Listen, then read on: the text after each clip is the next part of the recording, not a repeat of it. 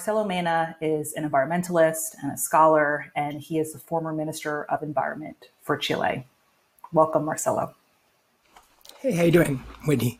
Thanks for great, the invitation. Great. Of course, thank you so much for being with us here today. Um, and you know, before we dive into the future of climate action um, in Chile and beyond, I think it would be great for us to talk about sort of the present and why Chile really represents a, a country that uh, is is, worth thinking about when we talk about about climate. Um, you know, recently there have been lots of commendable actions um, taken by your country uh, when we think about climate. Uh, your Chile recently uh, committed to net zero emissions by 2050, the first in the Americas to do this. And that's especially notable when you think about how much of Chile's economy really depends on carbon emissions, you know, mining and agriculture and spaces like that. So could you start a little bit by just talking about how how would this even be possible to get to net zero emissions in 30 years and what would that what would that mean for Chile? Mm-hmm. It was a very surreal um, image when we saw um, Minister Schmidt, uh, the COP25 president, Patricia Espinosa, the UN head on climate change, with masks, uh, having and delivering this new NDC. The important thing here is things that are hard to build require consensus, but therefore, to get rid of that consensus, uh, the, uh, get rid of that commitment, you need to have another consensus. And this hasn't happened. So the thing is, the reason why Chile uh, has this sort of vision towards mitigation uh, that's ambitious is that we see that there's a big economic benefit. We have seen, we witnessed what the renewable energy sector has been able to do for investment, for lowering lowering energy costs, and so therefore, uh, to reach this goal, we will inevitably expand to 100% renewable but we'll also transform our industry, which is heavy on fossil fuels, towards uh, low emissions with the hydrogen economy kicking in, with a recently launched committee that I formed, the Minister uh, Jobet, uh, the Minister of Energy, set up. And also um, energy efficiency and a lot of capture, carbon capture. We have, uh, we are endowed with a lot of natural capital taking care of that natural capital and expanding plantations will allow us to reach net zero by 2050. That's great. I mean, and it it, now it seems like Chile has such a huge focus then in you know thinking about renewable energy and thinking about climate, but this wasn't always the case. Could you talk a little bit, I guess, about the history of how Chile arrived at this moment? Yeah, so in 2011, 2010, um, we had um, an energy discussion with incumbents saying the only way we could solve our energy problems will be through large coal and large hydro in the Patagonia. And that really polarized the discussion we got together as a community uh, after large protests that triggered a lot of social movements.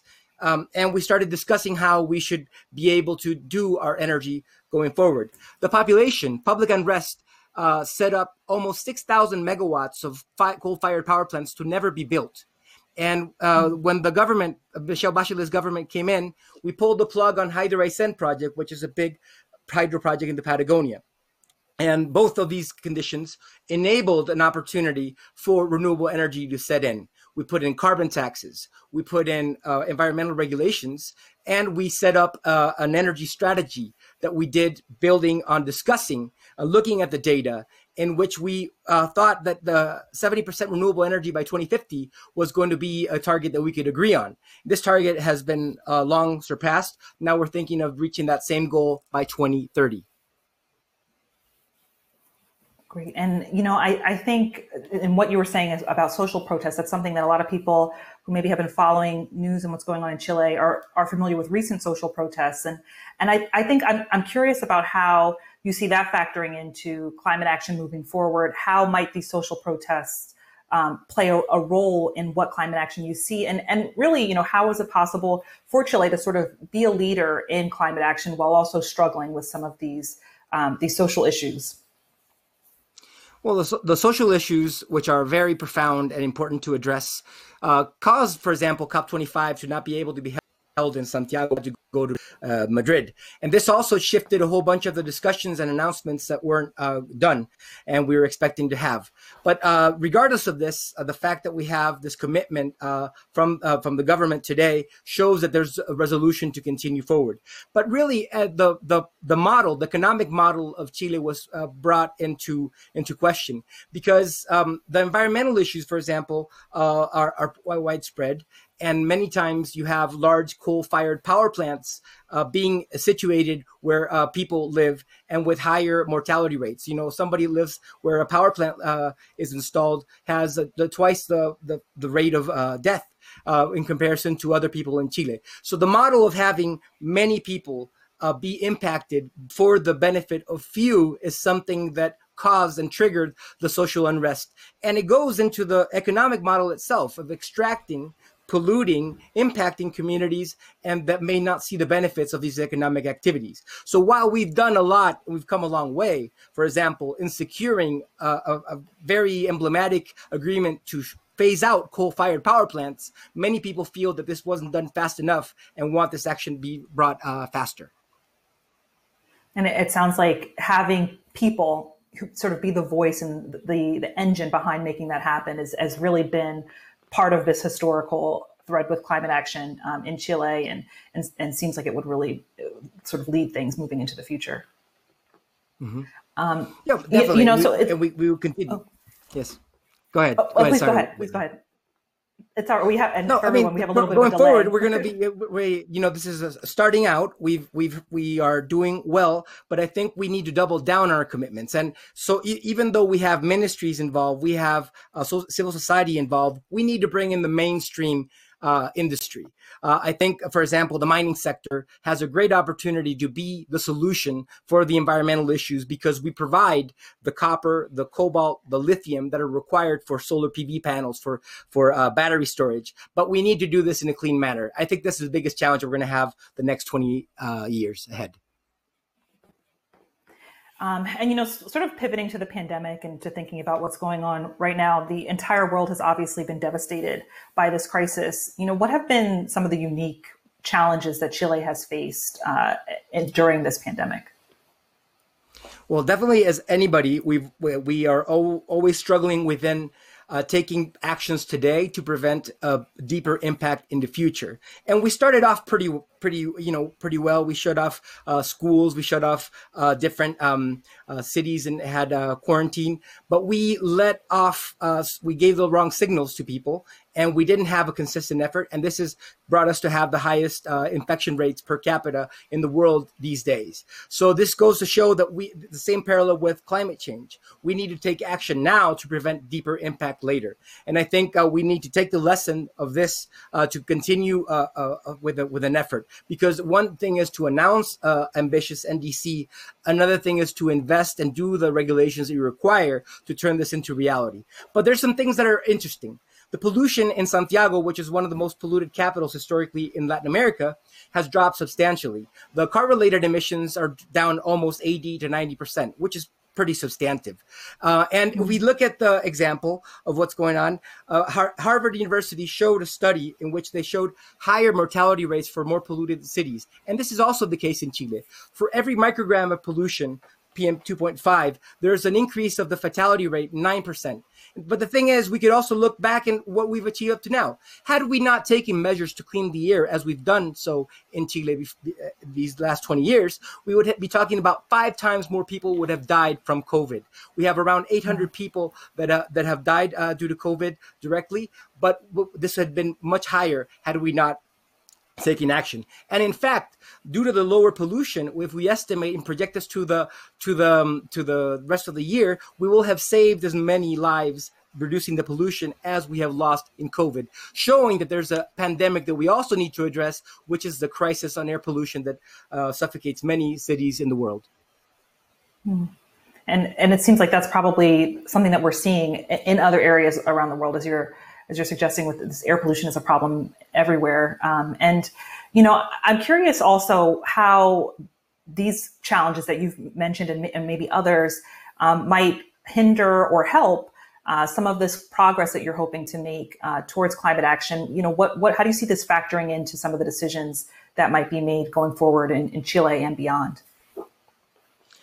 Okay, so we have uh, higher fatality rates in more polluted cities, and we have uh, climate action to carry out. This is going to be a decisive decade in which we need to lay the groundwork for our lower emission strategies. So, whatever we do today cannot lock us into a incompatible climate future. We need to, to lay the groundwork for this low emissions transition. So therefore, green recovery efforts need to be done, as Kristalina spoke last week, uh, has to be uh, related to a green recovery that creates job immediately, that addresses the the, the poverty issues that we have on energy today in the southern Chile. And we need to use this for expanding renewable energy and expanding the successful efforts that we've done on electromobility. Today, we have the largest fleet of electric fleets of electric buses outside of China, and but we could actually make this go even bigger because we've seen that the reductions in cost uh, have been almost 70% in comparison to diesel buses. So we should use this opportunity to expand. And multiple uh, stakeholders are working. We're working together to call on the government to do a green recovery, to use the green bonds that we've already issued and under which we've gotten really low uh, rates uh, for, for, for interest rates to do and fund cleaning the air, clean the transportation, and letting the groundwork for a cleaner tomorrow in the mining sector, which is our biggest challenge uh, going forward. Hmm. And then, as far as the way that you sort of think about and conceptualize climate action, um, you know, have you have you personally had any changes to your thinking, um, just as a result of what you're seeing uh, through this pandemic? Yeah, I think we we start looking around. Everybody had to uh, struggle and find, and that we could do much more with less and keeping a full economy that requires you to buy an extra t-shirt that you don't need. Uh, the fact that we're using three times more more um, more clothes than we were maybe 20 years ago shows that we are uh, blowing up an economy that requires us to destroy the environment in a way to continue to to uh, forward. And the food system is going to be probably our biggest challenge. And I and you know even though I've been working with electric buses and with electromobility and, and just the more the, the the more conventional mitigation, I think our biggest cultural challenge will be to talk about how our food decisions impact the way that we uh, the, the you know the, the way that we will have a future. Nature just put out a, a, a, report that showed something, you know, when we were in the government, what we had talked about when Chile was good in soccer, we started going deeper in the, into the wintertime, uh, summer, uh, the, the wintertime contest. And we started winning games. But to win those games, we started doing a lot of barbecues. And the paper that came out showed something that, you know, when we when we explained this to people that you guys are messing up the air with uh, barbecues, people thought we were crazy. Well, Nature now shows, the Nature uh, report shows that we actually um, fouled the air uh, and destroy the air, annihilate the air because we wanted to, to celebrate the soccer. And we set this up to people, and people thought we were crazy. Now people acknowledge the fact that the, the basic thing that you could do, such as the way that you choose how to cook, could actually impact your air. So I think that uh, going forward, um, I, this cultural challenges that we need to do, we need to tackle them head on. We need to show the evidence. Otherwise, we're just going to be ignoring problems and letting them perpetuate for the future.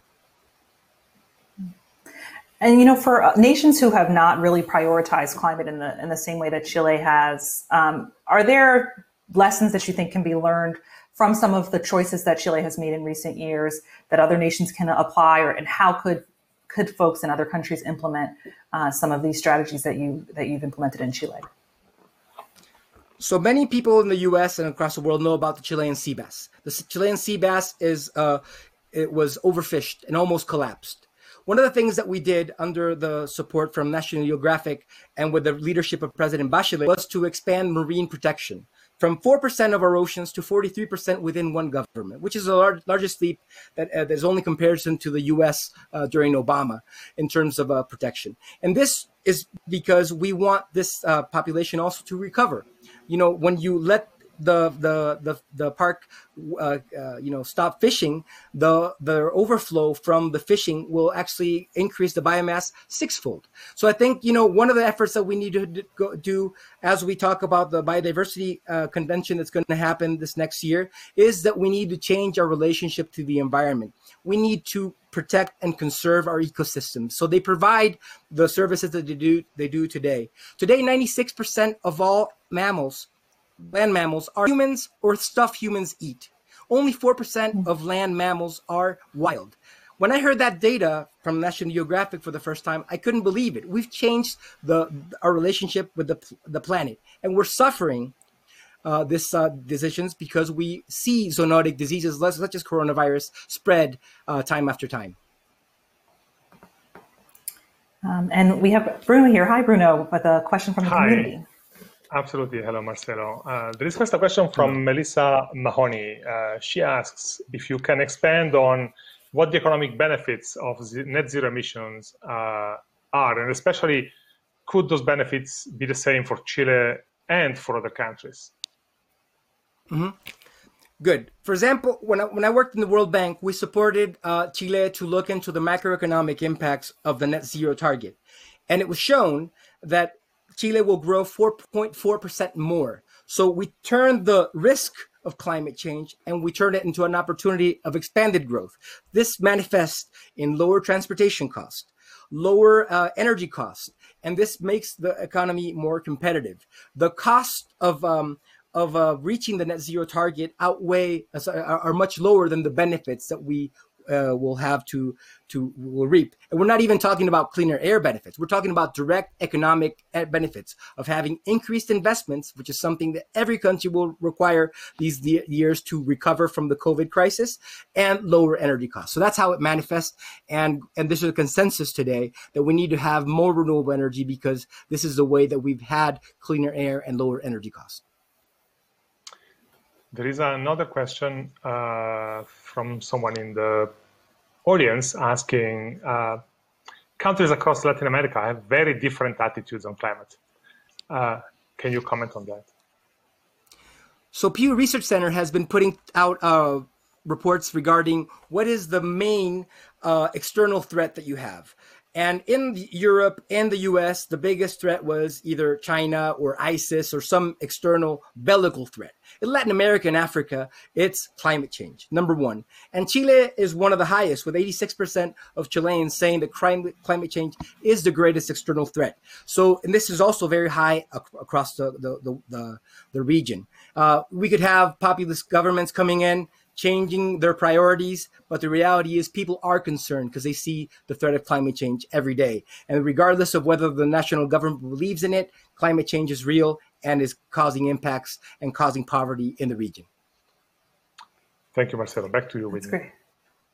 Thank you, thank you, Bruno, and and Marcel. Just you know, one last question before we actually um, say goodbye, which is, is just you know knowing that you were involved in the negotiations for the Paris Agreement.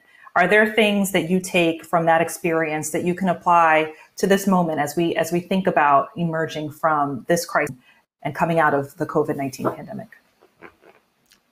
Yes, that there will always be a populace that will be opposing climate action, and the way to get at this is to make the economic case. So, regardless of what happens, there will be an economic case for spending on renewable energy. The US grew its renewable energy investments around 40% last year. In Brazil, it grew almost 10%. And so, therefore, if we're able to align the economic goals with climate goals, you will be able to make this uh, go forward.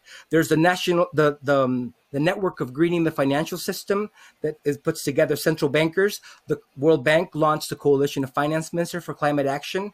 These uh, are great efforts that will allow us to have the financial system support climate action because there's an economic benefit because it's important for you for your fiduciary responsibilities to disclose the risk you you have both transitional and physical and if we're able to do this regardless of what the negotiations happen you know, because there will always be uh, it, it, there there will always be problems with the consensus. You will continue to have a resilient approach because climate action will continue because you can have the economic system support this. That's really great. Uh, thank you so much, Marcelo, for being with us to share your perspective and your insight. It's um, really great to sort of zoom in on some of the things happening in Chile and, and how that might apply to all of us all over the world. So thank you for joining us today.